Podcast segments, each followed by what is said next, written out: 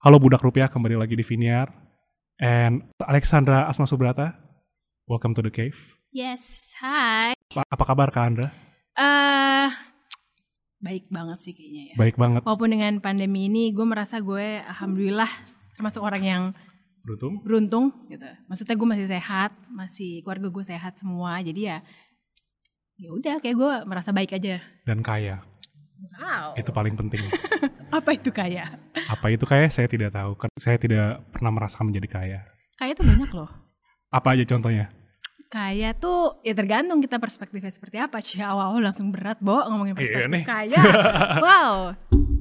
Eh, tapi ya menurut gue kaya tuh banyak ininya. Kayak tergantung kita melihatnya dari mana. Ya nggak? Ya nggak? Bener. Tapi udah merasa kaya belum? eh susah ya dijawab. Eh mungkin udah ya gitu, tapi I want more gitu loh. Mm-mm. Dari segala segi lah gitu. Emang manusia ya. Emang manusia gitu. Selalu pengen lebih. Soalnya kalau gue udah ngerasa udah kaya nih, terus mentok situ aja gue hidup kan mau pengennya masih mau lama gitu. Hmm. Jadi harus ada yang di achieve. Ini menurut Kak Andra ini gara-gara jiwa kompetitifnya atau bukan? Ini kan dari dulu kan udah jadi tadi sempat ngobrol kelas 1 SM lulus SD udah balapan. Yes.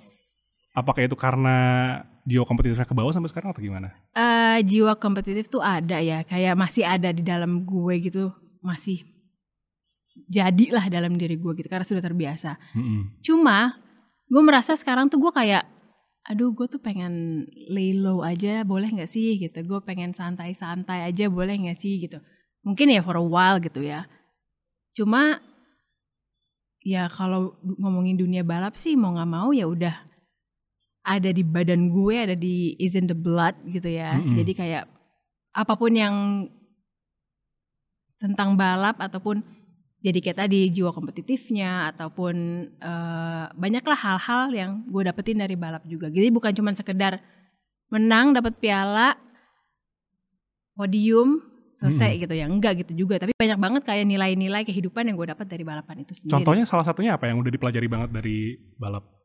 eh mulai dari hal yang simple sampai hal yang mungkin lebih serius gitu ya. Pertama mungkin eh ya itu tadi gue punya jiwa kompetitif yang gue tahu ada menang dan ada kalah. Gitu. Mm-mm. Jadi kalah itu bukan sesuatu hal yang memalukan dan lo harus drowning di, di situ. Tapi kalah itu menurut gue adalah sebuah pemanis dari kemenangan. Pemanis dari pemanis kemenangan. dari kemenangan. Kalau lo nggak pernah ngerasa kalah, lo nggak tahu betapa senangnya itu menang, Bener sih, ya kan?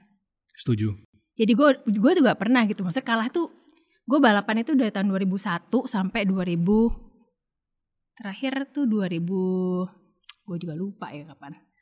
Udah berapa tahun tuh kira-kira? Eh 17 kalau nggak salah ya. Buset. Eh enggak enggak 2016 kalau nggak salah. Eh, itu lama banget, 15 tahun 17 kurang, berapa? pokoknya belasan Iya tahun lah belasan intinya. tahun lah gitu ya. Terus kan gue nikah terus gue punya anak lah sampai sekarang anak gue juga masih 2 tahun gitu. Heeh. eh dari belasan tahun balap itu nggak mungkin dalam setahunnya gue bisa balap tuh 20 sampai 40 kali capek banget. gitu ya. Sebulan Nggak bisa dua kali gitu dong? Sebulan bisa dua kali kalau Iya. ada ada yang sebulan bisa dua kali, ada yang kan biasa tuh Januari, Desember tuh mereka off kan Oh, balapan. berarti sebulan bisa ada yang lebih dari dua kali Yes, malah. bisa ada. Jadi nggak mungkin gue menang semuanya dari 40 itu gitu kan. Dan nggak kalau gue kalah semua, kalau gue menang semuanya juga, ya gue nggak tahu apa rasa spesialnya menang gitu. Bener. Michael Dan- Jordan aja baru bisa menang NBA Championship di tahun ketujuh. Yes, kayak gitu. Jadi orang kan kadang nggak perlu tahu gitu ya. Orang nggak tahu, nggak bukan nggak perlu tahu. Orang tuh kadang nggak tahu perjuangannya seperti apa gitu. Iya. Kayak gini, Michael Jordan juga kan dulunya dia nggak langsung lahir tiba-tiba jadi Michael Jordan yang jago gitu kan Iya. dari kecil gitu. Dia juga ada belajarnya, dia juga ada jatuh bangunnya, dia ada strugglingnya gitu. Dia ada gagalnya, ada coba sana coba sini gitu. Dia nggak langsung masuk ke tim yang bagus kan kayak gitu. Nah, ya itu adalah semua prosesnya sih gitu. Itu pembelajaran kita gimana semakin matang kita buat nanti kita menjadi pas kita udah top gitu. Waduh. Jadi ya banyak lah yang hal-hal yang gue dapetin dari balap gitu. Kalau gue tahu semua itu nggak instan, itu juga satu kan kayak. Mm-mm. Ya gue balapan juga awalnya gue nggak bisa nyetir, nyetir aja nggak bisa gitu. Gue adalah anak perempuan normal yang kecilnya main boneka, dan main mobil-mobilan juga bom-bom kar di Dufan. Eh, memang mungkin bokap gue melihat anaknya ini gue gitu maksudnya mungkin ada tomboy-tomboynya gitu. Tapi mungkin juga dan ada juga sisi sisi lainnya gue tuh anak paling kecil. Mm-mm. jadi last resort bapak gue untuk maksa gue balap. Hmm. gitu. Karena kan bokap gue seorang pembalap dia pengen dong ada yang nerusin gitu kan. Nah di situlah gue dipaksa untuk balapan. Nah gue Oke. merasa belasan tahun ini ya banyak banget yang gue dapetin gitu. Kayak gue eh, bisa menerima kekalahan gitu Eh, kemenangan juga men- bisa menerima kemenangan gitu. Karena kalau orang yang nggak bisa menerima ke- kemenangan tuh juga malah jadi goncang bro gitu. Kayak Bener. ya kan jadi terlalu sombong terlalu apa lo nggak lo udah terlalu hebat kalau lo terlalu kuat terlalu hebat malah lo malah punya enemy yang banyak kalau lo nggak bisa menghandle itu gitu. bener. Puncak kan sempit ya. Yes. Dan orang-orang pada pengen nyampe puncak. Iya jadi sementara ya nggak semua orang bisa jadi di iya puncak. betul. Jadi nggak cuman kekalahan yang lo bisa harus terima gitu kemenangan pun juga. Kemenangan juga harus lo bisa olah dengan diri lo gitu. Gimana kayak Iya. apalagi gue balapan lawan cowok-cowok gitu. Uh kalau gue mau sombong ya kan? Iya. itu adalah saatnya mesti gue buat sombong kan. Heh lo laki-laki semuanya ya gitu. Kalah dari gue. Tapi kan nggak kayak gitu ya caranya Iya. Bo gitu. Gue kalau lagi menang lawan cowok ya gue menang aja gitu. Biasa aja kali gitu kan. Mm-mm. jadi gue juga nggak pengen cowok-cowok itu melihat kayak ih lo cewek menang gitu Iya, karena nggak selamanya bakal menang terus kan? Iya nggak menang terus gitu. Dan gue juga kalau lagi balapan gitu gue nggak pengen dilihat sebagai seorang perempuan. Pembalap aja pokoknya. Gue maunya gue dianggap sebagai orang seorang pembalap. Ya gue pembalap lo pembalap deh gitu. Jadi lo Hmm. jangan kalau gue mikirnya gue perempuan nanti yang ada gue terseok-seok banget. Mm-mm. kayak ya kalau gue kalau gue terlalu fokus sama kekurangan gue which adalah gender gue adalah perempuan biasanya fisik gue lebih lemah dari laki-laki gitu. Ya kemungkinan besar sih gue gak akan berhasil gitu jadi right gue harus fokus ke kelebihan gue yang mungkin cowok-cowok itu nggak punya gitu Oke. Ada gak pengalaman near death experience pas lagi ngebalap? Kan pasti itu kan sepersekian detik salah aja bisa Yes. meninggal kan kayak Sena yang ya ada dokumenter di Netflix. Eh, kalau tabrakan itu juga satu hal yang 11-12 sama balapan. Sering banget gitu ya, kayak Berteman Keluar- dengan tabrakan. iya, keluar lintasan, nabrak ini, nabrak itu gitu ya. Kaki gue robek segala macam pernah lah gitu. Eh, tapi ada satu yang gue kebalik gitu. Alhamdulillah itu gue gak kenapa-napa, cuman ada baret-baret gini dong kayak orang garuk kekencengan gitu. Kok bisa? Tapi mobilnya keba- kayak mobil formula gitu. Ah. Mobilnya kebalik, helm gue tuh di aspal. Jadi helm gue tuh atasnya rusak gitu lah abis. Helm gue di bawah, bannya di atas gitu. Buset. Gue nya nggak apa-apa dibandingin balapan gue yang lain yang gue sampai kakinya berdarah gitu ya. Tapi ya udahlah gitu. Tapi menurut gue itu kebayangnya tuh sampai sekarang traumanya tuh ada sedikit lah gitu. Damn. Ke gue merasa adegan itu tuh terjadi slow motion banget sampai gue kayak masih inget Bisa di-describe kayak itu adegannya? Eh, jadi bodohnya, ya. ini ada sedikit bodohnya ya. Itu Oh. kejadian lagi latihan masalahnya. Oke. Kan agak bodoh ya gitu. Kalau orang kan lagi balapan ngotot, oke dia ngotot kan kita sama-sama ngotot mau menang. Kita tahu Hmm. gue tuh tabrakan gue. Itu tuh lagi latihan di Shanghai, gue inget banget tahun 2008, 2008. Eh mobil gue tuh ditabrak sama pembalap lain. Tabraknya tuh kayak tusuk sate gitu. Jadi mau belok kiri, gue udah kayak gini, mo- mobilnya tuh dia nabrak bener-bener di ya tusuk sate gitu ke gue. Damn. Terus gue mikir gini, gue tuh mikir, gue ngelihat dia di belakang dengan spion gue waktu itu. Ya. Gue mikir gini, ah kan ini lagi latihan gitu, pasti emang dia pengen banget nyusul gue lagi latihan gitu kan. Kita kan nggak lagi buru-buru nih bos gitu kan. Udah lah, gue belok lah dengan santainya. Memang gue waktu itu tidak terlalu kenceng, gue lagi kayak nggak bukan on fly- my flying lap gitu. Jadi itu kayak lagi lebih santai lah gitu, lagi latihan Mm-mm. biasa nyari setup mobil. Nah, gue belok gitu, mungkin juga dia mikirnya, gue gue gue mengasumsikan dia mikirnya, ah kan ini lagi balap, lagi latihan, masa dia nggak ngasih gue sih mau mau mau nyusul gitu. Jadilah kita tabrakan di situ. Itu lumayan lah eh, ketabrakan gitu. Kebalik, mungkin pelan ya, cuman 40 kilo atau 30 km per jam. Karena kan tuh lagi belokan ya, jadi gue udah ngerem. Cuman kebalik gitu, terus gue stuck di bawah situ kan, karena kan pakai kega- kegantung gitu kayak orang Waduh. digantung Kayak di kepala di, film-film bawah gitu ya. Iya. Ford versus Ferrari gitu jadinya. Yes, kayak gitu. Jadi gue mikir kalau gue copot seat belt gue, jadi kan gue touch sama mobilnya kan kegantung. Gue mikir kalau gue Ah. copot seat belt gue, gue bakal jatuh nyusruk gitu kan ke, ke aspal gitu. Jadi gue nungguin aja, nungguin di, di Jemput gitu. dijemput dan itu lagi latihan. Kalau lagi latihan kan marshal atau petugasnya kan lebih sedikit dibanding lagi balap kan. Mm-mm. Dan itu sirkuit gede. Jadi it Lama takes a dong. while untuk gue dibalikin. Tuh, karena mereka harus punya forklift gitu. Oke. Ya lumayan di dalam situ gue juga mikir awalnya gini. Gue hidup nggak ya? ada ada momen yang mungkin shock kali ya. Jadi gue nggak expect kalau gue bakal tabrakan nih men. Gue lagi latihan gitu. Jadi gue mikir gue langsung pas kebalik itu gue langsung ngelindungin dada gue kan karena kan biasanya takutnya kan kalau gue dada gue kehantem kan gue nggak bisa nafas kayak Hmm. bisa bahaya kan jadi emang selalu lindungin lah dada gitu karena kan kalau muka kan ada helm kan leher juga ada protectnya tapi kan kalau dada cuma baju doang jadi gue harus lindungin dada takut gue sesek kan Iya. itu gue kebalik terus udah tuh gue lama banget gue diem lama banget terus gue mulai satu-satu kayak ngerasain kaki gue ada lutut gue ada nggak sakit paha nggak sakit badan nggak sakit tangan nggak sakit kepala nggak sakit oh gue hidup gitu adalah kayak Kok bisa momennya gitu ya? gitu, jadi gue kayak jadi gue langsung blank aja gue nggak tahu sebenarnya gue lagi gue lagi ngerasain apa apa gue ngerasain sakit apa enggak itu gue nggak tahu Damn.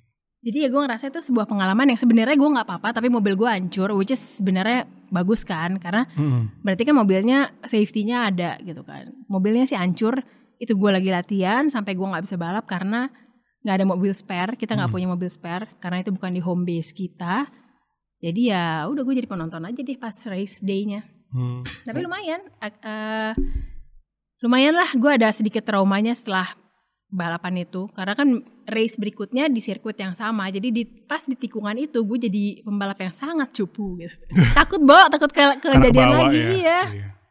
tapi ya udah berlalu abis itu sih biasa aja Mobil kayak gitu harganya berapaan sih?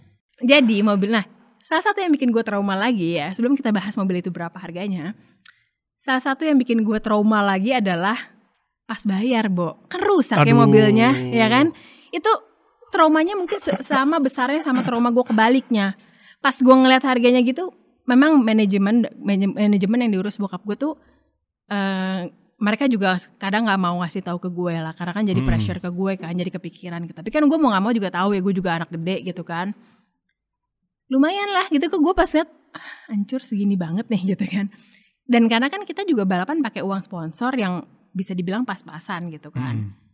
ya misalnya sponsor ada nih gue gue sponsor gue misalnya ada eh, 10 gitu ya balapan berapa berapa berapa tapi kan kita nggak punya spare untuk damage gitu kan Iya. Insurance-nya gimana tuh? nggak ada insurance kalau balapan Oh, ya? bos iya Wah berarti itu mahal banget Iya, dong. jadi kadang-kadang nah nah itu race berikutnya setelah gue tabrakan itu gue jadi orang yang paling cupu gue takut banget tabrakan karena gue takut bayar Hmm. karena gue tahu tim gue atau manajemen gue ini budgetnya udah pas banget nih dengan gue kemarin ngerusakin satu mobil jatuhnya Hmm. kan orang nggak tahu ya orang taunya lo balap menang balap menang kalah gitu dah lo nggak tahu lo bayarnya berapa kan Iya, bayar Iya rumah kan? sakit aja udah bayar, udah mahal ya. Iya kan? Apalagi bayar mobil Iya, tapi kalau formula gitu. manajemen gue yang penting gue pembalapnya sehat iya gue kan tapi kepikiran juga bos bayarnya gimana iya gue sehat alhamdulillah gitu gue kenapa-napa nggak celaka gitu tapi kan ya lumayan ya kalau kalau adalah sedikit apa ya psikologi gue gitu. kayak ke bawah ya. kebawa lah karena gue tahu hancur gue kemarin nge- ngerusakin satu mobil nih gitu Iya, mobil-mobil biasa aja kalau misalnya Agia Alia ya kan rusak aja rasanya aja enak kan ya. mobil biasa aja masih ada asuransinya sih bisa gitu. tapi kan kalau ngerusakin gitu lo rasanya aduh aduh gitu kan Mm-mm, terus nggak bisa race, Yes. terus juga ya ke bawah lah pasti, ke bawah. Jadi banget. memang ya maupun memang balapan itu kan ngancurin mobil hal yang biasa juga ya. Cuman ini kan gue ngancurin mobil yang 80 per, eh bukan 80 persen, mungkin 70 persen nih mobil harus diganti gitu. Hmm, Jadi ya lumayan berasa ya kayak kayak ganti satu mobil baru gitu. damn. Lumayan. Takut lumayan. jadinya tahu harganya berapa? Nggak usah disebut deh. Gak usah lah. Malah sakit hati nanti malah ikutan. Jadi lumayan lah kepikiran. Habis itu gue kepikiran balap, ya kepikiran bayarnya sih. Mm-mm. Terus dari pengalaman ini apa yang dipelajari? eh kayaknya nggak ada ya. apa ya dari pengalaman gue tabrakan itu apa ya?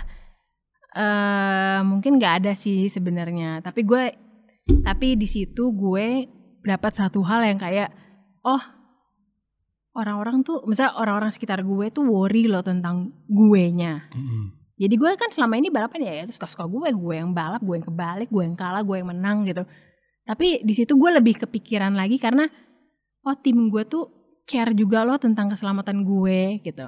Jadi gue tahu kalau ya lo balapan resiko lo lo sendiri tapi kalau lo kenapa-napa nggak cuma lo yang sedih gitu. Kalau lo kenapa-napa orang juga Worry. worry gitu. Jadi ya bukan sama mata-mata gue cuman ya udah lo aja balap mau ngapain juga jungkir balik terserah lo Ndra gitu. Bukan kayak gitu. Jadi gue merasa kayak oh ada ada bokap gue ada nyokap gue gitu. Pasti mereka kalau denger kan worry gitu loh. Jadi ya itu sih gue merasa kayak gue nggak sendiri lah di situ Hmm, terus apa rasanya tuh punya ayah yang pembalap juga?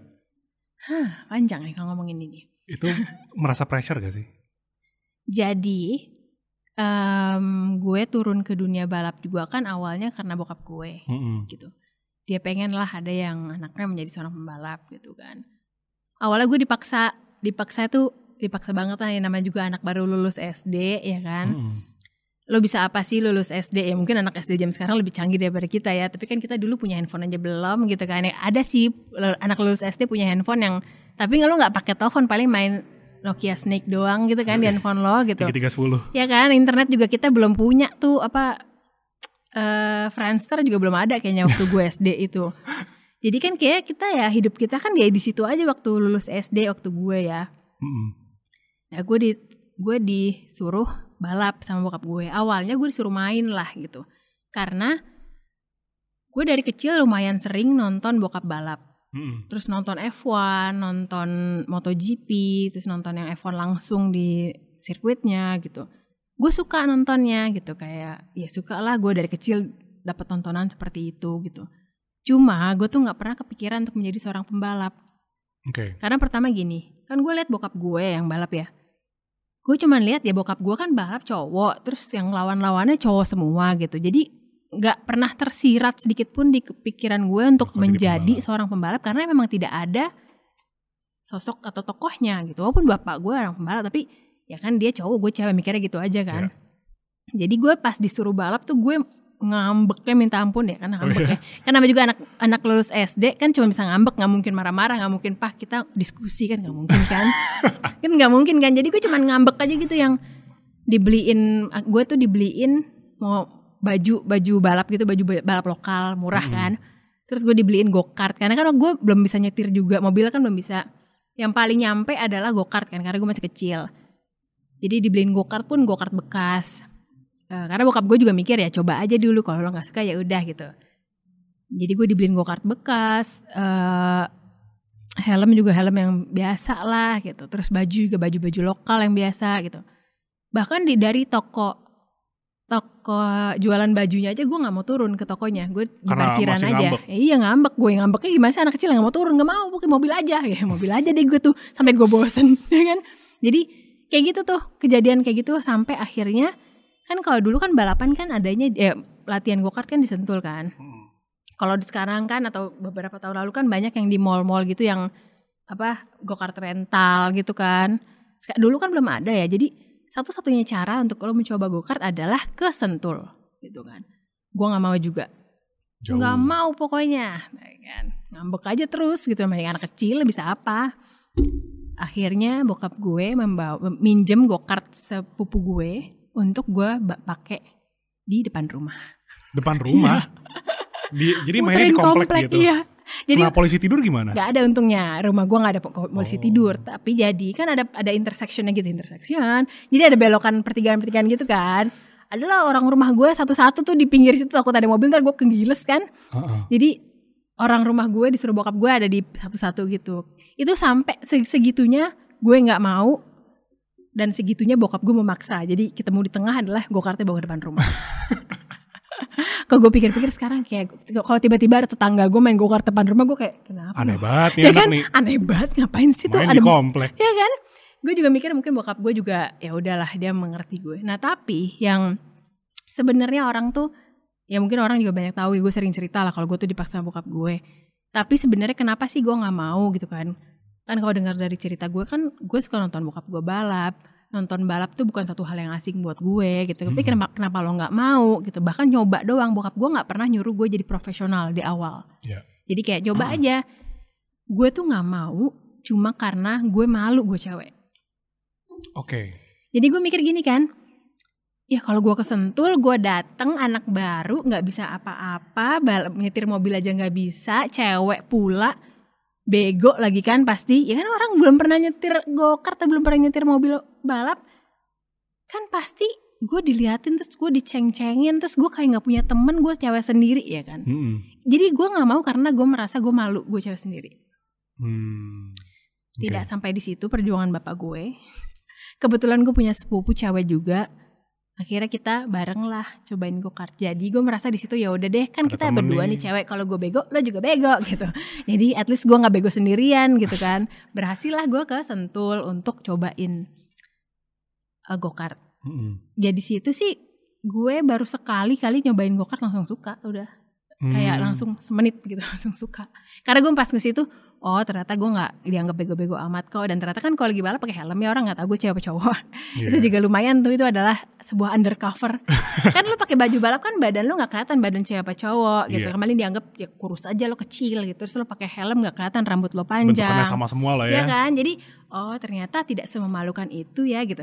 Ya simple lah anak S1 SMP juga mikirnya yang penting gue nggak malu gitu aja Kebawa tuh akhirnya sampai 17 tahun. Iya nggak sadar kan 17 gue tahun hanyut. berkarir. Iya, hanyut kan gue. Tiba-tiba ya udah. Walaupun gue ya lumayan lah nggak nggak sadar dari awalnya gue cuma mencoba sampai akhirnya gue menjadi profesional gitu. Sampai akhirnya menjadi sebuah karir yang bisa dibilang ya eh ya profesional ya karir gue adalah ya seorang pembalap.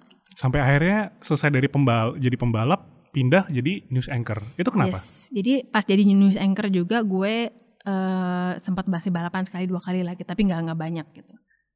Di situlah gue merasa kan nih gue lagi balapan tuh nggak nggak ini ya nggak udah nggak terlalu banyak gitu. Gue tuh pengen mencoba satu hal yang baru telat banget ya telat banget setelah gue udah lulus udah kuliah gitu gue baru mencoba di situ dan jadi awalnya adalah gue tuh dulu punya punya punya cita-cita pengennya jadi pembawa acara gitu ya pembawa pembawa berita gitu Mm-mm. Eh tiba-tiba ada yang nyawarin Eh, udah deh boleh. Nah sebelumnya juga gue suka menjadi komentator balap. Jadi kayak newscaster apa sportscaster gitu. Mm-mm. gue suka dengan sportscaster gitu. Jadi ngomonginnya ngomongin balap atau olahraga. Terus eh, tapi lo tapi lo jadi yang eh, pembawa acara pembawa beritanya gitu. Jadi gue merasa ini masih satu bidang yang gue suka adalah Iya. otomotif ataupun sports ini. Nah ditawarin lah jadi eh Host. host anchor ini ya udah gue mau gue coba lumayan lah itu gue dua setengah tahun gitu Hmm. tapi ya gue juga merasa lama-lama kayak gue gak di situ deh passion gue Ngomongin passion udah apa? Berarti apakah kemarin jadi pembalap itu out of passion atau bukan? eh gue gak ngerti ya passion tuh apa sebenarnya coba bantu gue ya definisi orang-orang beda-beda ya. Kalau misalnya menurut gua passion itu sesuatu yang lu mau kerjain bener-bener pakai hati. Jadi walaupun di nggak dibayar pun nggak apa-apa. Kalau itu berarti gue bukan. Ekstrimnya ya, ekstrimnya. mungkin balapan iya ya gitu. Jadi kayak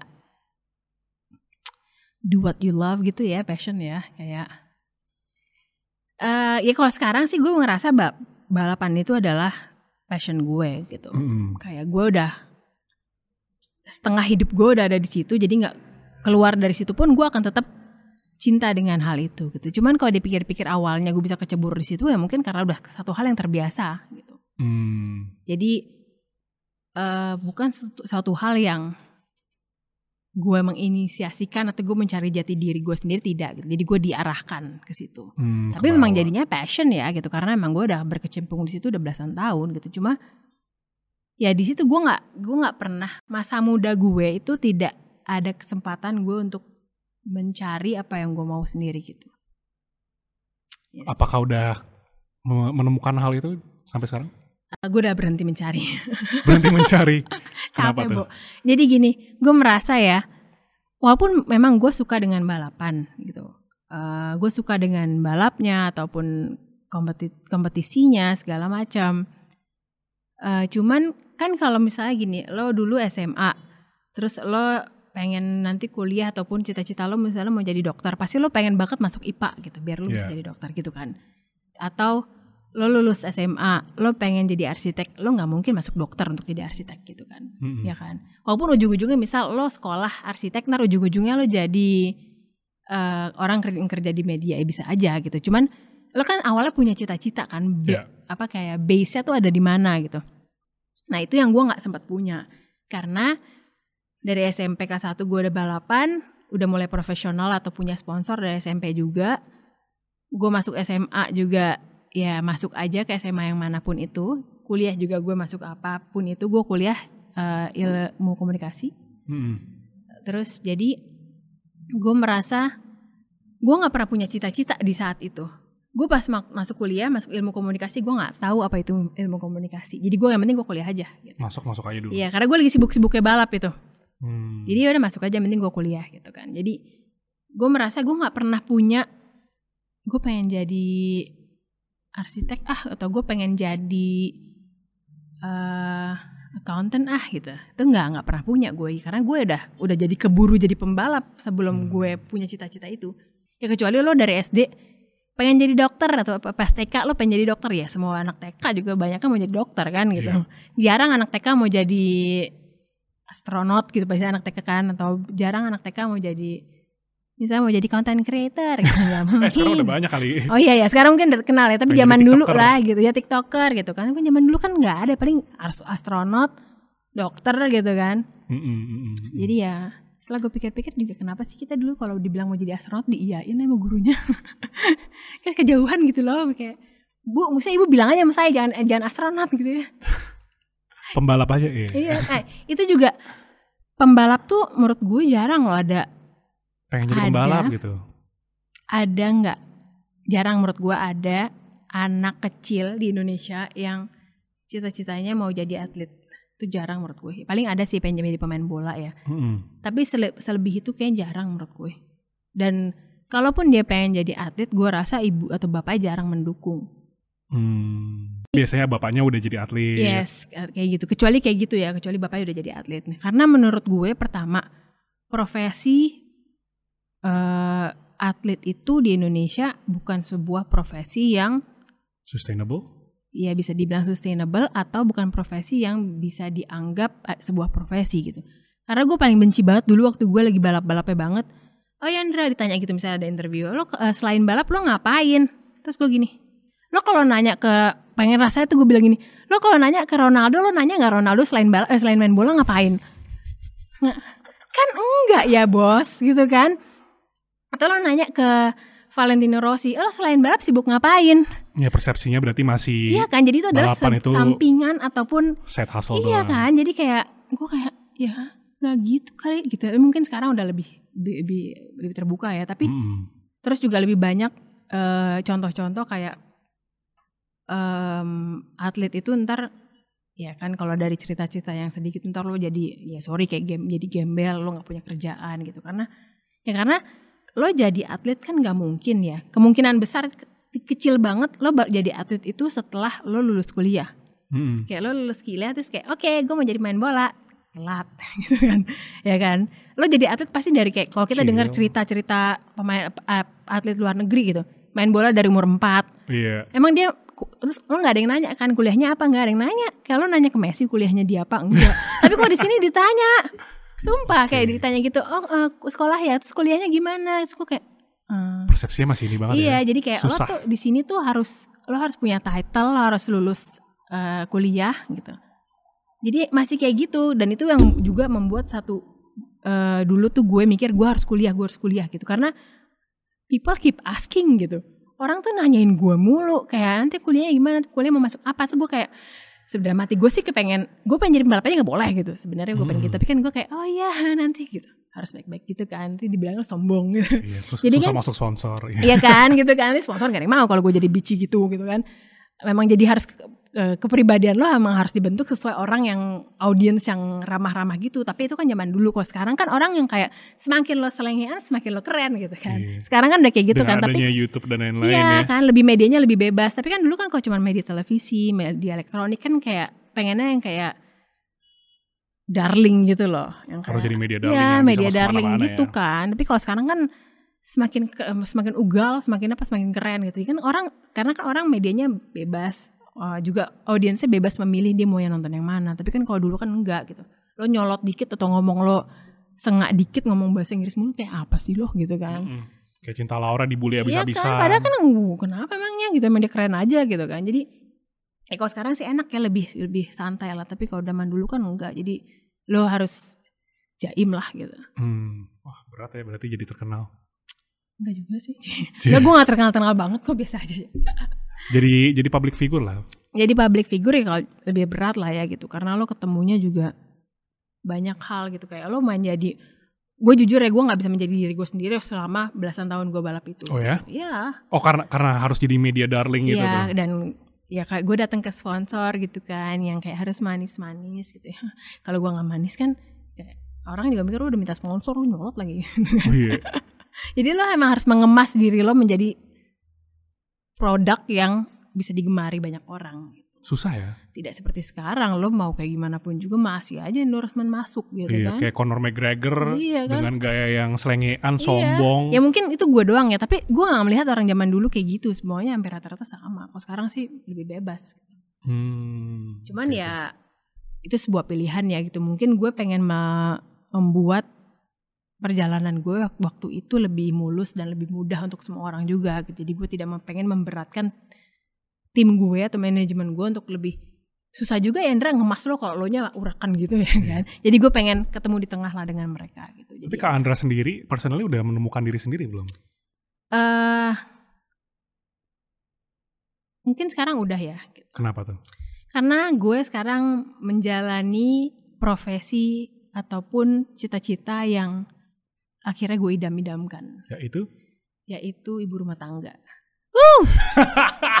Gila men, gue ibu rumah tangga and proud sekarang. Hmm, Jadi gue gue merasa kayak I gotta do this right gitu loh. Kayak gue udah mendedikasikan masa kecil gue dari gue bisa dibilang anak kecil bukan ABG, terus gue berubah jadi ABG. Terus gue udah ya udahlah gue udah nikah, gue punya anak sekarang. Eh gue merasa udahlah gue udah capek ya untuk menjadi gue lagi capek untuk kasarnya gue lagi capek jadi nyari kerja nih gitu. mm-mm. Walaupun ibu rumah tangga tuh sebenarnya ternyata tidak mudah ya gitu. Oh ya pasti, Wow. emang ada kelas sebagai ibu rumah tangga kan gitu nggak kan. ada. Tapi maksud gue ini adalah dream job gue gitu. Kayak orang nggak tahu ini adalah dream job gue. Jadi kalau kayak sekarang sih gue merasa I'm living the life gitu kan. Mm-mm. Kayak ya udah gue sibuk aja ngurusin anak gue gitu. Karena gue ngerasa em, anak gue juga nggak akan kecil terus gitu. Gue pengen punya childhood yang, eh, gue pengen anak gue punya childhood yang yang enak gitu, yang bagus gitu. Jadi Yang lebih baik. yang lebih baik dari gue gitu jadi eh gue merasa gue nggak mau meng apa ya menggelontorkan childhood anak gue ini gue merasa gue punya tanggung jawab atas eh masa kecilnya dia. Jadi gue merasa mungkin itu dari gue juga ya karena gue nggak ngerasa masa masa masa kecil gue ini fun gitu. Karena harus berkompetisi Yes, setiap jadi- hari. mulai dari mungkin waktu kecil iya. Tapi dari kecil pun gue juga tidak mungkin ya gue nggak terlalu deket sama orang tua gue terus Oke. waktu dari SMP itu gue bokap gue kan yang mengurus manajemen gue ya. Jadi kan udah masuk ke ini jatuhnya udah ranah kerjaan nih. Kita oke gue adalah anak sama bapak tapi di satu Hmm, sisi adalah gue juga. sama lo adalah ada satu hal yang ya profesional title-nya gitu kan jadi di situlah gue ngerasa kayak adalah benci-bencinya gitu adalah bete-betenya Hmm. marah-marahnya gitu jadi gue pengen ya gimana pun anak gue ini bisa terbuka karena gue jujur gue nggak bisa terbuka dengan bokap gue dulu gitu karena Hmm, ya mungkin bokap gue melihat gue tuh anak kecil yang "Ya udah lo diem aja ntar gue jadi lo jadi deh gitu, gitu. tapi gue merasa ya gue anak kecil sih memang tapi mestinya gue bisa dilibatkan sedikit dengan ini kan ini kan eh, hidup gue juga gitu. Ini kan profesi gue juga karir gue juga mestinya gue bisa dilibatkan sendiri gitu. Jadi ya jadi gue pengen anak gue nanti merasakan hal yang tidak gue eh, merasakan hal yang bagus-bagus aja lah kalau bisa hmm, tapi itu susah ya. susah lah orang gue pengen juga anak gue jadi pembalap tapi kalau dia nggak mau gimana? Nah itu. Karena waktu itu gue pernah ngobrol sama salah satu teman, dibilang eh, kalau misalkan jadi kalau misalkan eh, punya anak gagal ya hancur abis tapi kalau punya bisnis gagal ya udah bangkrutin aja. Wow, Iya kan? that's- wow. Berat kan berarti punya Wow, anak. itu berat banget. Makasih loh dikasih tau ke gue jadi tekan nih gue. That's why gue gue dari dulu gue gue udah pacaran lima tahun tapi belum kepikiran untuk nikah. ada kepikiran nikah cuman belum ada rencananya karena masih takut to be honest. Wow. Tapi ini ini ya. gue pengen coba belajar dari Kak Andra yang udah lebih berpengalaman. Kalau misalkan nikah tuh harus siap atau enggak sih? Iyalah. Dan batas siapnya tuh kayak gimana kalau misalnya dari Kak Andra? eh nikah tuh harus siap ya siap sih gitu. Tunggu, nikah sih belum nikah itu harus siap tuh belum tentu. Tapi lo harus ketemu orang yang pas aja. Oke. Yes. Itu susah tuh. Karena gue udah pernah cerai, Oke. terus gue nikah. Jadi gue merasa siap nggak siap sebenarnya itu tergantung lo ketemu pasangan lo aja seperti apa. Hmm, it's not about what you do, it's about who you do it with. Yes, itu menurut gue. Jadi oke lah, gue pernah gagal, tapi maksud gue, gue nggak mau juga terlalu mengekspos kegagalan gue itu. Karena itu paling satu hal yang sebenarnya gue nggak pernah, pernah bahas dan gue nggak Hmm. pernah explain. Gue sempat hilang juga dari sosmed, kayak gue nggak pengen orang tahu. Cuma maksud gue, eh kalau lo ngomong kayak gitu, advice-nya apa ya? Menurut gue, ya pikir-pikirlah gitu. Pikir-pikirlah, lo bakal spend the rest of your life sama siapa gitu. Susah ya. Sumpah itu. Susah sekali ya. Ya lo nggak tahu ya gitu. Pasti lo nggak lo sama orang yang lo ngerasa cocok pun ada yang nggak cocoknya ya iya gitu. Tapi maksud gue ada toleransi lo kan seperti apa gitu. Hmm, oke. Pasti nggak mungkin lo sama misalnya lo sama kakak lo atau lo sama adik lo aja yang udah satu ibu sama satu bapak aja lo ada nggak cocoknya gitu kan. Tapi ya lo bisa toleransi kan dengan dia. Nah ini lo cari pasangan lo yang lo bisa toleransi kejelekannya dia dan orang itu bisa juga toleransi kejelekan lo gitu. Itu yang susah. Ya susah sih gimana dong. Ya kan kalau misalnya orang ngeliat ada orang lain menunjukkan kejelekan bawaannya awal-awal kan kayak apaan sih, tapi harus ditoleransikan. Iya lama-lama kalau dia nge- apa ngeluarin kejelekannya mulu ya lo gila lo masa gue harus toleransi mulu kan gitu ya iya itu juga. Tapi masalahnya dalam pernikahan kan ya eh, lo harus ketemu dia setiap saat, setiap hari. iya itu dan juga harus ke expose sama Yes. hal-hal jelek itu udah hal yang pasti kan. yes jadi emang ya lo pikir-pikir aja lah sebenarnya mungkin bukan lo bukan lo yang siap menurut gue ya Mm-mm. kalau orang lo harus siap dulu menurut gue lo nggak harus siap sih tapi lo harus yakin dengan pasangan lo itu aja sih Yakin dulu sama pasangannya. yes yes kalau lo nggak yakin ya mau lo siap juga kalau lo juga nggak serak sama dia ya bye gitu Berat ya. Hidup itu berat ya teman-teman. enggak kok. Enggak gitu-gitu amat. Hmm. gitu. Jadi ya itulah gue merasa kayak banyak lah gitu dari dunia dunia balap gue ini gitu hidup gue marriage life gue ini gitu. Tapi ya gue merasa ya dijalanin aja lah. Tapi gue merasa sekarang gue living the life gitu. Gue lagi menjadi ibu rumah tangga yang Mm-mm. cuman masak doang tiap hari mau ngurusin anak uh senang banget gue Udah capek kena badai ya. gue lagi capek aja gitu kan gue nggak tahu ya mungkin nanti bisa gue pengen gue pengen lagi sih balapan buat fun itu pengen masih tapi sekarang gue kayak aduh Ntar dulu capek deh. bos Udah punya anak, urusin dulu deh anaknya deh. iya gitu gue kayak pagi lucu-lucunya ah udahlah gue santai-santai aja Hmm. Tapi kalau misalkan gue ngeliat Kak Andra di berita-berita segala macam ya, itu selalu dikaitkan dengan bapaknya. What about your mom? Apa ada gak sih sesuatu yang udah dipelajari dari ibu? Em, apa ya memang nyokap gue itu di balap dia tidak pernah melarang gue gitu. Mm-mm. dia selalu support Eh, jadi gini bokap gue tuh memang bokap gue adalah paling identik dengan gue balap karena dia yang maksa gue dia yang bikin jadi dia bukan cuma sekedar negatif maksa gue tapi dia juga yang bikin gue menjadi orang yang pembalap yang hebat gitu. Jadi Mm. di satu sisi emang gue menjadi orang pembalap hebat tapi di satu sisi gue emang juga dipaksa sama dia. Nah jadi bokap gue memang paling berjasa di dunia balap gue ini. Bisa dibilang bok- bokap gue adalah orang paling berjasa di dunia balap gue ini. Dia yang jadi manajer gue dia nyari sponsor segala macam lah. Dia paling hebat lah di dunia balap gue ini. Nah nyokap gue yang paling jarang muncul di mana-mana itu cuman pengen gue selamat aja gitu. Lo Hmm. kembali dengan One Piece gitu. Tapi bokap gue ya, walaupun misalnya gue cerita dengan, dengan bokap gue yang suka maksa segala macam, bokap gue tuh nggak pernah marah kalau gue kalah. Oh ya? Iya, jadi walaupun kayak bokap gue tuh maksa gue untuk balap, bokap gue tuh kayak lo harus balap, lo harus eh, ke sini, lo harus menjadi ini, lo harus jadi media darling segala macam. Tapi dia nggak pernah marah kalau gue kalah, nggak pernah sama sekali. Tapi dia marah kalau gue nggak latihan, dia marah kalau gue nggak Hmm. mau eh, latihan fisik, lah fitness. Dia marah kalau gue nggak mau latihan balapnya gitu. Dia marah kalau gue telat datang balap eh, latihan gitu. Kalau dia marah kalau gue dulu lagi gaul-gaulnya gue pergi malam besoknya gue latihan gitu tuh dia marah. Tapi kalau gue kalah dia nggak pernah marah. Menarik ya itu menurut gue dia maksudnya. Padahal dia Mm-mm. keras banget untuk soal balap gue ini. Tapi kalau kalah dia kayak ya udah nggak apa-apa. Kalah kalah. Menurut Kak Andra itu kenapa? gue juga nggak tahu ya. Padahal, padahal bokap gue kan seorang pembalap ya. Dia pasti juga pengen gue menang ya gitu. Iya. Mungkin ya, mungkin dia mikir ya udah kalau kalah menang sih itu udah urusan ya kalau lo coba kalau lo udah kalau lo udah mencoba, lo udah memberikan 100% eh apa cara lo kalau terus kalah ya mungkin Mm-mm. udah beda urusan lagi lah gitu. Tapi at least mungkin bokap gue tahu kalau gue tuh bener-bener trying, bener-bener coba gitu. Hmm. Jadi kayak gue bukan yang ya udah gue asal-asalan aja gitu. Mungkin bokap gue juga nggak bokap gue juga nggak melihat gue nggak ngasal gitu. Jadi bokap gue juga ngerasa gue juga berusaha kayaknya sih gitu. Kan sekarang Kak Andra udah punya anaknya. ya. Kira-kira Kak Andra bakal ngeliat diri Kak Andra sebagai orang yang bakal apa namanya? nge eh, lebih ngebebasin anaknya atau lebih ngarahin? Dan menurut Kak Andra itu hal yang mana yang bagus? Sulit loh ini. Jadi gini ya, kan gue dibesarkan gue diarahkan banget. Ah. Jadi seorang pembalap gitu kan. Eh terus suami gue juga seorang pembalap nih. Mm-mm. Sekarang kan suami gue Oh, pembalap. balap banget nih berarti ya? Iya kan, masa anak gue nggak jadi pembalap sih kan gitu kan sebenarnya. Iya. Di dalam lubuk hati gue yang terdalam tuh kayak harus Pengen harus lah, harus ayolah, harus gitu. Harus pokoknya lu nggak boleh nggak.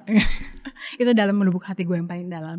Jadi kayak ya kali loh yang bapaknya pembalap aja bisa jadi pembalap anaknya gitu. Masih banyak lah teman-teman pembalap gue yang bokapnya doang pembalap anaknya jadi balap ini ibu bapak lo loh gue bilang. Kakeknya juga. kakeknya juga lo masih mau ngeles juga gitu kan. Pengen gue gitu ntar kalau udah gede. Tapi kan tapi kalau gue kayak gitu gue flashback jadi gue jadi bapak gue dong Nah, yang gue nggak suka gitu kan. Itu gue lagi galau sebenarnya gimana ya?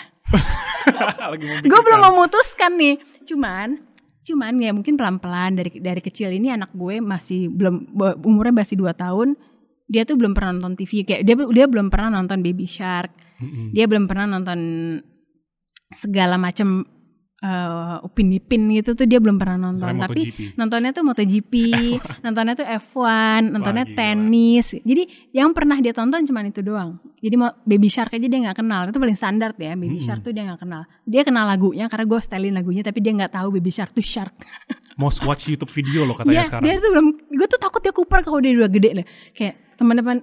Ya sumpah waktu waktu kan umurnya 2 tahun ya. Dia kan ulang tahun udah diundang-undang ulang tahun temannya gitu kan. Kan jogetnya kan kalau ada MC -nya gitu baby shark kan. Gue Ntar kayak bingung lagi. Gimana nih? Akhirnya waktu itu gue sama sama suami gue, ya udah gue aja sama, sama suami gue yang joget-joget baby shark. Yang penting kan dia nggak nonton kan. Tapi ya dia dia tahu lah baby shark tuh kayak mukul-mukul gitu. Tapi dia nggak tahu kalau baby shark itu it's a shark. Dia nggak tahu. Jadi dia nggak tahu kalau itu tuh ikan gitu. Dia nggak tahu kalau ada anak kecil yang lucu banget yang bisa joget-joget kayak gitu. Jadi ya karena ya itu gue menyodorkannya adalah balap gitu. Gue nonton balap. Eh, dia tahu menang itu apa. Dia tahu kalau dia suka bawa box-box apa kardus-kardus kayak kosong gitu dia bilang kayak menang, menang, menang. Dia suka kayak gitu. Hmm, Biarin aja. kayaknya kalau misalnya dia di acara ulang tahun temen dia malah ada minuman malah digini-giniin lagi. Kayak dia sering banget nonton kayak gitu-gitu Iya sih kan? sumpah. Kayak di podium di malah Dia- diminumin. Ya makanya dia kayak ngeliat motor tuh dia tahu om om motor karena gue bilang pembalap itu tuh om om menang gue bilang kayak gitu dia suka gitu mobil gitu dia tahu mobil dia kayak bisa gue nonton balap. Nggak mau nggak mau nggak mau mobil mau motor aja gitu. Dia Wih. bilang eh, gue gue ganti motor gitu kan. Tapi ya ya nggak tahu karena kan karena kan itu tontonan gue sama suami gue juga kan tapi kita nggak nonton yang lain kalau depan dia ya. Tapi gue merasa mungkin ya ini paling ya mungkin sekarang ya mungkin nanti berubah. Tapi maksud, maksud gue gini mungkin kalau sekarang gue ditanya anak gue akan gue apain nantinya mungkin gue akan memaksa dia kalau dia nggak mau ya Iya. Eh, jadi pertama yang gue lakukan adalah gue mencoba masuk dengan smooth seperti sekarang ini gitu kan. Ya. ya kayak nanti kamu jadi balap aja. Terus kayak oh, nonton nonton balap. Terus misalnya ke sirkuit jalan-jalan. Jadi mengenalkan dia pelan-pelan. Gue nggak maksa doang kan kenalin doang nih gitu. Nah terus kalau memang satu poin dia bilang gue nggak mau Ya udah. mungkin gue akan paksa dulu. Oh, coba dulu gitu Dorong-dorong kan. dikit Ya, deh. udahlah coba aja sekali coba gitu kan. Udah mulai maksa nih. Jadi plan gue adalah udah mulai maksa tapi maksa untuk coba tapi mungkin kalau dia gak mau juga ya mungkin gue akan pasrah sih hmm, nggak usah dipaksa ya terus-terusan. karena gue merasa di situlah poinnya di mana gue mulai tertekan dengan bokap gue gitu. Hmm. walaupun gue menjadi sukses ya gitu gue mikir bukan maksudnya bokap gue punya andil yang positif juga dengan karir gue iya gitu cuman ya di satu sisi gue jadi kadang suka lost gitu karena dulu gue sama bokap gue anak SMA kelas 1 gitu gue kan dan gue berkali-kali loh dalam belasan tahun ini gue balap Mm-mm. gue berkali-kali lo minta quit Oh ya. apalagi kalau gue lagi kalah atau gue lagi bete atau gue lagi sebel gitu nah tapi bokap gue selalu nanya takut download di anak SMA ditanya kayak gitu lo mau ngapain soalnya gini gue misalnya kan gue udah bi- bisa dibilang gue udah making money gitu kan misalnya walaupun sedikit misalnya gue punya lah tabungan-tabungan gue dari SMA gitu Mm-mm. pas gue ditanya mau ngapain sebenarnya setelah gue pikir-pikir ya bapak gue juga trik nge-trik gue gitu ya kan kalau anak SMA ditanya mau ngapain ya mau sekolah aja jawabnya ya mestinya ya tapi gue kayak pas ditanya gitu gue kayak hancur kalau gue nggak balap terus gue ngakuin hal, Iya. hal yang lain terus gue nggak identitasnya berhasil udah keba kebawa Iya gak kan? sih? Andra sebagai pembalap. iya makanya gue kayak ya udah kalau kamu nggak itu kalau eh, kalau kamu nggak mau balap kamu ngapain Mestinya gue jawab mau sekolah aja sih emang. Pah teman-teman ah, teman-teman saya juga sekolah pah gitu. Tapi gue kan gak kepikiran gue merasa ditantang kan. Gue takut Hmm. gue takut kalau gue lepas dari bokap gue dan balap gue jadi so, seseorang individu yang gagal gitu. Jadi kayak Hmm. misalnya eh, pengen kerja aja terus bokap gue gini kamu tau nggak? Kalau kuliah itu lulus kerja paling cuma 2 juta 3 juta. Terus gue diam di situ aku terdiam ya udah. Ya ada benernya sih pak. Tapi jangan ditakut-takutin juga gitu kan. Kan lo bikin gue juga ya udah deh balap lagi. Terus dua tahun kemudian gue bosan gue bilang lagi ke bokap gue terus digituin lagi gue diem lagi. Jadi ya gue nggak sebenarnya nggak punya identitas diri di mana gue kayak gue harus berani dengan cara gue sendiri dan pilihan gue sendiri. Itu gue nggak pernah punya. Gue nggak pernah punya pilihan intinya. Tapi ya sebenarnya bagus mungkin bokap gue melihat kamu tuh berbakat kamu tuh talented. Jadi kenapa kamu harus tinggalin? Mungkin seperti itu ya. Tapi ya di satu sisi ya Capek. ada minusnya juga di mana gue kayak aduh udah deh gitu gue pengen udahan aja nih gitu semuanya Hmm. kan Berat lo ya. kayak di ditantangin padahal lo masih SMA gitu kan lo kayak gue juga nggak tahu pak mau apa ya gue gue takut gagal juga mau dagang dagang apaan gitu kan jadi kayak bingung gitu Tapi emang itu jadi struggle banyak anak-anak muda ya. sebenarnya iya pengen sih melakukan sesuatu cuma nggak tahu harus ngapain. itu yang pertama lo pengen melakukan sesuatu tapi lo nggak tahu mau ngapain gitu. tapi Hmm. tapi menurut gue itu normal ya karena lo juga belum matang umur lo di situ gitu Iya, tahu apa sih Iya tahu apa kan SMP SMA. nah tapi abis itu ada juga yang lo pengen sesuatu tapi lo nggak dibolehin gitu Exactly. Iya. Gue sih mungkin bukan sesuatu, gue gue mungkin bukan yang kedua sih, mungkin karena bokap gue nggak pernah tidak membolehkan gue untuk melakukan sesuatu, karena bahkan gue nggak punya ide, nggak Hmm. belum sampai punya ide pengen, pengen ngapain gitu. Jadi ya, ya gue jalan aja terus dengan apa yang bokap gue sediakan, which sebenarnya bagus ya gitu. Tapi ya gue merasa gue kurang mandiri di situ, kurang kurang berani untuk ngambil resiko gitu. Oke. Nih, balik lagi tentang eh, tadi kan ngomongin tentang setahun bisa sampai balapan 20 kali lebih. Di mana pasti bakal dari puluhan sekali balap tuh ada berapa orang sih? Puluhan ya? Ya ada belasan, ada puluhan. Yang masuk podium cuma tiga orang. Yes, Itu pasti susah banget dong untuk masuk podium. lumayan. Dan berkali-kali pasti bakal merasa kalah kan. Itu gimana cara cope with loss? Jadi banyak hal, banyak hal untuk gue eh, coping sama kekalahan gue itu. Kalau buat diri gue sendiri ya di dalam diri kan bisa gini, adalah motivasi dari orang-orang terdekat lo kayak lingkungan sekitar lo kan pasti ada yang menyemangati tim lo segala macam keluarga gitu kan.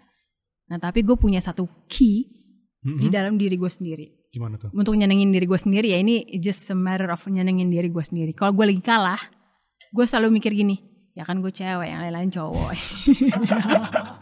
Oh, itu untungnya jadi pembalap perempuan ya. Iya kan? Jadi gue kayak, ya wajar aja gue kan cewek, di mereka kan cowok, gue kalah. Tapi itu gue gak pernah utarakan itu di depan media, ataupun Mm-mm. gue gak pernah mengutarakan itu di depan, misalnya kalau ditanya sama wartawan gitu, kenapa mereka kalah? Ya kan mereka cowok, gue cewek. Enggak, gue gak kayak Ya gitu juga. kali. gue nggak se nggak se coward itu juga gitu kan cuman maksudnya di dalam diri gue untuk menyemangati gue kayak "Ah, kan gue cewek gitu yang lawan gue cowok gitu. Gue udah bagus ada di sini gue bisa compete sama mereka gitu. Nah itu juga ya namanya juga semua orang punya apa ya cara sendiri kan buat nyenengin diri sendiri. Itu gue salah satunya itu. Nah tapi menurut gue mungkin karena balapan itu kan terus berjalan dan Mm-mm. ada stepnya ada lo abis dari sini lo mau ke mana terus abis itu naik kelas gitu kasar ada naik kelasnya. Jadi menurut gue lo nggak punya gue waktu itu nggak punya waktu untuk gue drowning dan bersedih-sedih dengan kekalahan gue gitu. Karena kadang-kadang balapan gue beda cuma dua, dua minggu. Kadang-kadang bedanya cuma seminggu. Jadi lo kayak hari hari, hari ini eh, minggu ini kalah lo udah misalnya hari minggu balapan kalah lo hari Rabu juga udah balapan latihan lagi. Jadi lo udah lupain aja gitu. jadi lo gue merasa kekalahan itu gue pikir gue Hal yang normal ya. hal yang normal gitu. Gue ambil buat pembelajaran aja ya kenapa gue kalah gue harus kurang apa gitu. Jadi Hmm, buat pengalaman aja sih. Iya. Ya tapi ya kalau gue menang gue juga kalau gue menang gue nggak pernah nah gini kalau gue kalah kan gue selalu mikir gue kan cewek mereka cowok gitu Ya. nah tapi kalau gue menang gue nggak pernah bilang gue cewek lo lo kok kok cowok kalah gue nggak pernah kayak gitu Ya kembali lagi di, di Yes. omongan awal kita Yes, ya. Kalau kita sama-sama pembalap nih kalau menang gitu gue pengen belajar kita terima setara kalah, belajar terima menang yes. juga berat tuh. lumayan lah ya seneng loh sebenarnya gue walaupun terpaksa gue juga senang balapan Hmm. Tapi enakan mana? Balapan lo jadi news anchor? Eh, eh, host apa sih namanya? Newscaster? ya news anchor News anchor. balapan lah Balapan. Iya. Rushnya ya tiap hari brem brem Ya. brem. kayak news anchor tuh kayak nggak tahu ya kan gue juga cuma dua setengah tahun ya di situ gue merasa jiwa keinginan keingin tahuan tahuan keingin tahuan gue itu tuh tidak gue bukan orang yang terlalu kepo gitu loh Mm-mm. karena lo kalau menjadi seorang wartawan tuh lo harus pengen nanya lo harus pengen tahu gitu. Gue nggak gue Nggak terlalu- itu. gue nggak sekepo itu kayak ya itu kan urusan dia gitu kan. Jadi gue tuh sempat gitu gue sempat beberapa kali kan gue gue kan juga turun ke lapangan gitu kan. Mm-mm. untuk liputan segala macam gitu. Kalau ada orang ada event yang harus gue liput gitu atau orang yang gue liput gitu gue rasanya nggak pengen nanya sama dia. Karena gue nggak pengen tahu gitu. Padahal kan gue harus bikin berita ya gitu. Ya, jadi gue merasa kekepoan gue tuh tidak terlalu dalam untuk menjadi seorang wartawan ataupun news Oke. anchor Kalau balapan versus ibu rumah tangga. tough life nih. tough, and tough question juga jadi tough life kalau gue mikir ini. eh menurut gue nothing can beat gue jadi seorang ibu sih. Oh ya? Tetap, ya. Kenapa tuh? Eh, Kalau misalnya sekarang nih gue ditawarin nih kemarin deh waktu anak gue kan masih asi full gitu kan, dan gue ngurusin dia banget sendiri gitu. Terus gue sempat ada tawaran di anak gue tuh umur 8 bulan atau berapa gitu. Tempat ada tawaran balapan gratis, lo tinggal bawa helm doang terbang.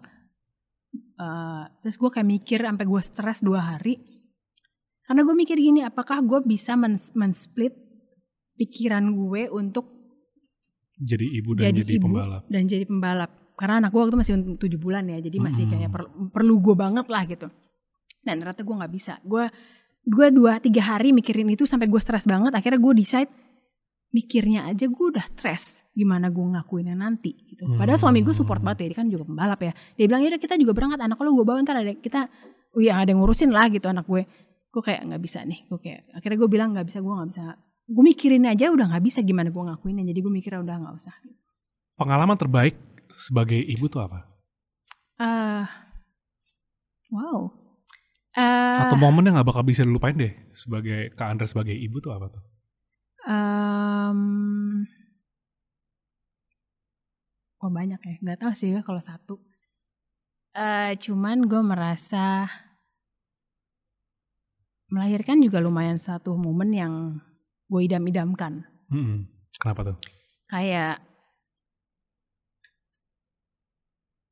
dulu gue juga dulu tuh gue udah ada momennya di mana kayak ya kalau gue juga nggak punya anak nggak apa-apa lah santai gitu. Gue Mm-mm. I don't think I can. Gue tuh termasuk yang bukan pengen pengen gue emang pengen menjadi ibu rumah tangga tapi gue belum tuh pengen jadi ibu. Oke, Ya. itu dua hal yang berbeda Yes, ya. Dua hal yang berbeda kan. Gue kayak sama anak ya nanti lah anak gue ntar gue dulu tuh waktu- tipe-tipe yang waktu gue masih balapan banget tuh gue gini ya ntar lah kalau gue punya anak susternya dua aja satu anak gitu Hmm. Pas punya anak nanti baru lahir gue kasih susu formula aja gitu Yang penting jadi aja. jadi aja gitu. Ntar gue kalau melahirkan eh, lahirannya ya operasi aja saya sarbius aja gue kelar gitu. Dan ternyata gue tidak satu pun tidak seperti itu. Gue lahiran normal alhamdulillah. Gue menyusui anak gue sampai sekarang gitu. Terus eh, gue juga sempat awalnya empat bulan nggak pakai suster gitu. Jadi gue menjadi seorang yang gue pernah sebut dulu yang gue nggak akan kayak gitu gitu. Hmm. jadi gue karena gue merasa I gotta do this right gitu, dengan motherhood ini. Hmm. Jadi gue pengen anak gue mendapatkan yang terbaik gitu karena gue ngerasa kalau bukan dari gue ibunya ya dari siapa lagi gitu, Iya. ya kan? Berat loh. ya. gitu. Karena gue kadang suka mikir gini, gila kalau bukan ibunya bapaknya aja kadang suka malas ngajak main anaknya gitu kan. Itu Iya. baru bapaknya ya kan, gimana kalau orang lain? Iya bapaknya juga harus kerja segala iya macam kan, kan. ke bawahnya harus kerja juga. Jadi ya, ya kalau nggak ibunya ya siapa lagi? Maksud gue ya childhood anak lo ini ya ada di tangan lo. Maksudnya kalau memang gue beruntung gue punya ada gue punya umur untuk membesarkan anak gue ya kenapa nggak harus orang lain? Hmm, momen gak enak jadi ibu itu apa? Ah, Tadi kan yang terbaik. enak jadi ibu nggak ada menurut gue. Gak ada. Nggak ada. All the pain itu menurut gue Worth it. worth it ya.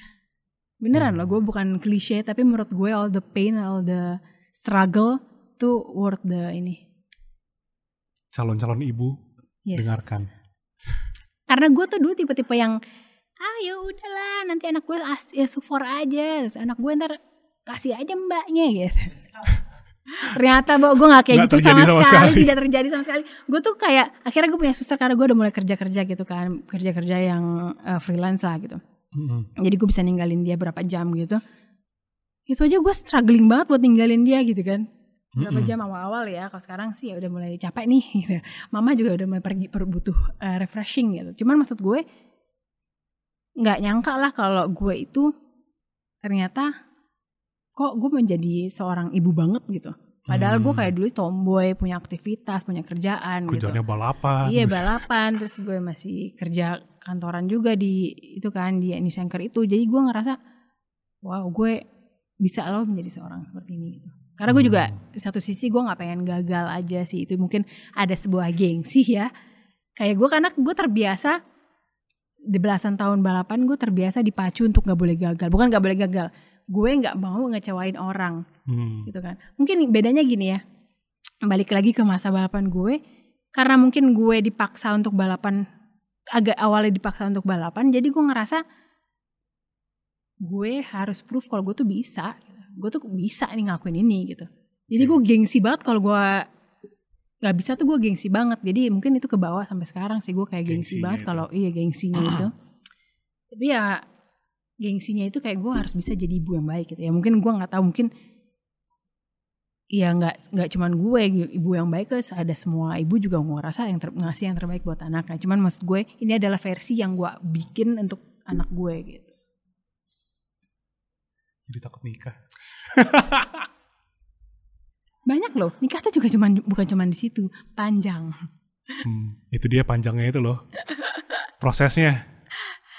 enggak lah itu cuman ya menurut gue itu fase hidup aja sih Mm-mm. nikah itu cuma sebuah fase hidup ya ada juga orang pilihan yang nggak mau ya nggak apa-apa gitu bukan satu hal yang salah nggak mau punya anak gitu ada yang nggak mau punya anak ada yang nggak mau nikah ya itu menurut gue Ya udah ya pilihan udah kan. pilihan aja fase hidup yang lo pengen jalanin aja gitu apa pengen lo pengen cepet atau pengen nanti gitu cuman ya kalau menurut gue sih gue pengen selalu menjadi yang terbaik di mana pun pilihan gue gitu Oke. Ada pertanyaan serius nih. Mobil F1 gimana cara ngesennya? nggak ada nggak bisa nggak bisa nggak ada nggak bisa tahu. Mundur bisa. Oh, mobil F1 bisa mundur? bisa. Setahu gue ada gear em, reverse-nya. Kalau Di- for mobil formula gitu ada gear reverse-nya walaupun ya kalau buat mundur-mundur dikit gitu ada tapi kalau sen sih nggak ada. Klakson juga nggak ada. AC juga nggak ada ya. Iya, AC gimana? Tapi berarti kalau misal hujan udah dong nggak ada penutupnya. basah. Hujannya kitanya juga basah. Oh. Radio. Radio. Nggak ada juga. Aux, aux, aux. sekalian aja bawa handphone nyalain ini bluetooth Iya. nggak ada nggak ada juga nggak Nyobain jadi apa? kan F1 oh, Nggak, F1. nggak pernah. It's a dream ini sih. Ya emang. Oke. Nah tapi gue merasa ya, kalau gue nonton kan gue nggak pernah nyobain nih ya. Walaupun itu adalah sebuah mimpi. Hampir semua mimpi pembalap tuh pengen nyobain atau pengen Mobil jadi F1. pembalap F1. Maksudnya pasti cita-citanya adalah apa? Cita-citanya pengen jadi pembalap F1 ya pastilah gitu. Kalau lo kalau lo kadang-kadang dibilang ya lo tinggi banget cita-citanya, tapi kenapa apa salahnya kalau semua orang Yeah. pengen cita-cita ke situ Why kan? not? Kan itu yang paling tinggi gitu. Tapi ya semua orang pengen cobain gitu. Gue ngeliat tuh kayaknya kan sekarang kan ada tahap-tahapnya lebih jelas lah dibandingin dulu. Kalau sekarang ada F1, ada F2, ada F3 gitu, F4. Gue ngeliat kok kayaknya lebih gampang nyetir F1 dibanding nyetir F2 gitu. Kalau kita ngeliat dari di TV ya gitu. oh, Kayak handlingnya tuh kayak gampang banget kayak lebih simpel. Iya ya, teknologi lebih, bagus teknologinya ya. lebih bagus gitu kan. Kayak ya mungkin lo kayak yang nyetir mobil mahal sama nyetir mobil nggak power steering gitu kan. Mm-mm, Kan mm. juga beda kan. Jadi gue ngerasa teknologinya juga luar biasa gitu. Jadi Hmm. karena menurut gue pembalap F1 kan misalnya dalam satu balapan kan ada 20 pembalap, 22 atau 20 pembalap. Kalau ditanya yang paling jago siapa, mungkin level mereka tuh udah nilainya udah 9 sama 10 doang semua yang ada di situ Iya. gitu. Ya mungkin ada 8 setengah sampai 10 lah. Jadi mereka tuh udah orang-orang yang bagus banget. Best of the best. Nah, ya. jadi bukan yang kayak ah ini jago yang ini enggak ya. Adalah beda selisih-selisih sedikit tapi kemenangan mereka pun juga udah dikemas sama tim yang bagus, mobil yang Iya. bagus gitu, engine yang bagus. Jutaan dolar kan itu kan Iya itu bukan per seasonnya. bukan mainan kecil juta. iya, itu udah luar biasa banget. Jadi ya menurut gue sih orang yang masuk di F1 pembalap yang udah masuk di F1 sih udah kelasnya udah beda. Hmm. Kemarin aku pernah ngestok-ngestok nih tentang harga apa namanya per season. 10M itu bener atau enggak? F1 Yang Kak Andra per season bisa nyampe segitu. 10M. Yes. Gile, berapa sate padang Ajo Ramon tuh ya dapat ya? Banyak banget, mahal banget ya. Udah banyak pakai kerupuknya tuh. Dan itu Ramon. F4 ya berarti ya? Itu jatuhnya Atau apa? Mungkin di atasnya F4 di bawahnya F3 lah ya. Oke, Kalau antara F1. situ berarti. Yes. F2, F1, oh my god. Iya makanya. Tapi kan you get paid kalau udah di F1. Hmm. Eh berarti F4 nggak belum Nggak you, you don't get paid? Nah itu orang Oh, juga ya? nggak tahu loh. Ya, jadi orang tuh kadang suka gini kayak asumsinya adalah lo balapan bayar ya? Iya dengan sponsor MM-an gitu. Iya, enggak. Balapan kita yang bayar.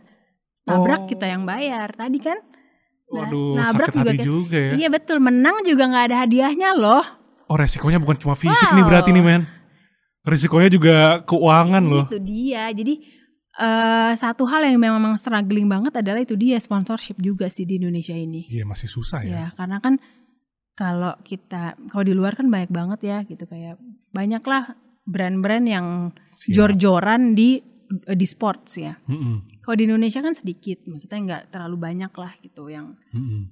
yang fokus banget di olahraga yang hampir semuanya dialihkan ke olahraga tuh sedikit banget. Ya bener sih. Ya kan? Kalau di luar kan banyak banget.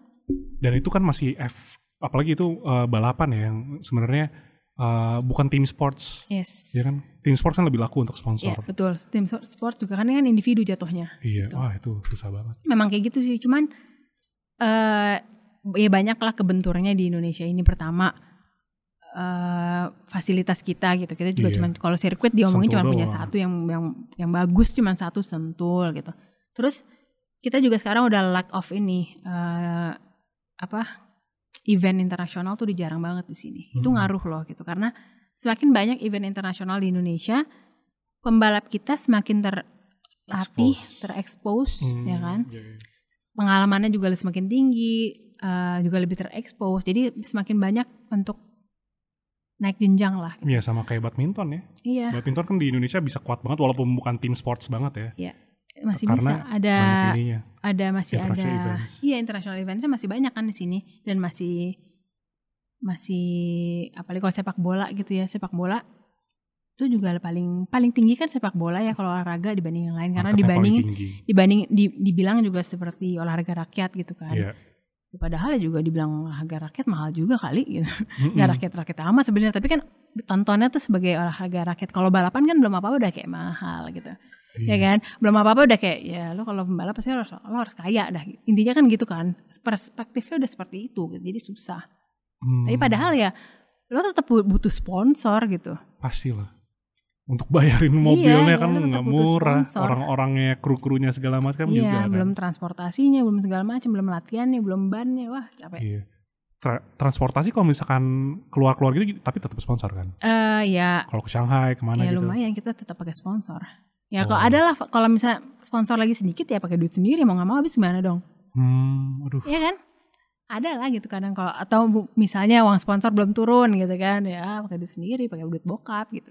Aduh berat ya. ya lumayan. Jadi ya eh, balapan eh, balapan itu atau menjadi seorang atlet itu bukan cuma sekedar lo keringetan dalam mobil menang balapan tabrakan menang kalah itu nggak cuma itu doang. Complicated banget dalam ya bukan complicated very, very sih complex. kompleks banget lah gitu. Jadi banyak banget hal yang bisa lo pelajarin di situ gitu sebenarnya.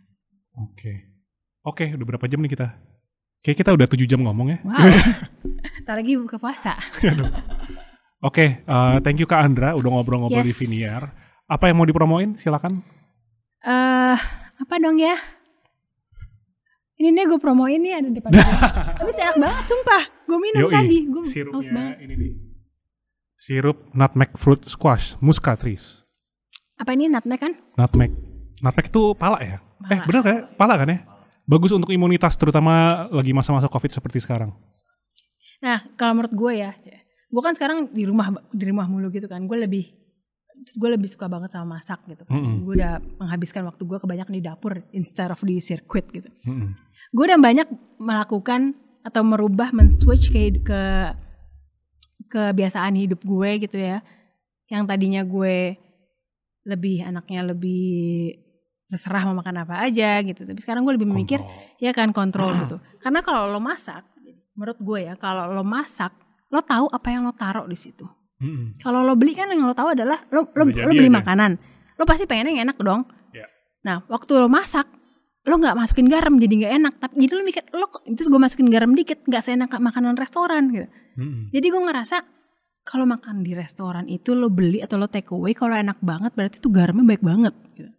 Atau gulanya baik banget. Atau mecinnya gitu. Ya tuh mecinnya baik banget karena pas lo masak nih dengan resep yang sama tapi gue bisa gue kurangin garamnya atau kadang-kadang gue nggak pakai garam nggak pakai gula kok rasanya biasa aja ya nggak pakai micin gitu rasanya biasa aja ya nggak seenak gue beli tapi ya ya setelah gue pikir-pikir ya kalau lo beli kan lo lo nggak nggak tahu prosesnya gitu dan itu gue merasa gue merubah semua ingredients masak gue tuh dengan bumbu-bumbu yang lebih sehat lah gitu. kayak ini kan Hmm. pala lebih lebih sehat dibandingin lo makan sirup yang isinya gula doang gitu kan. Jadi sesuatu yang kalau tahu prosesnya lo lebih care lah gitu. Bener sih. Ya kan? Mantap Kak Andra. Ada yang mau ditambahin lagi? Apa dong? Udah ntar kita kepanjangan. Orang bosen lagi sama gue. Enggak lah, enggak lah. Oke, thank you Kak Andra udah ngobrol-ngobrol di sini ya. Thank Semoga selalu you. sukses. Halo para ru, halo para budak, halo pada pada para budak rupiah, pada burak rupiah. Halo para budak rupiah, thanks for listening. Follow us on Instagram, TikTok, and YouTube. Dan kalau kamu kaya, sponsor kita, biar kita semakin kaya. Oh, satu lagi, gak semua tai itu buruk, tai bisa jadi pupuk. Hahaha.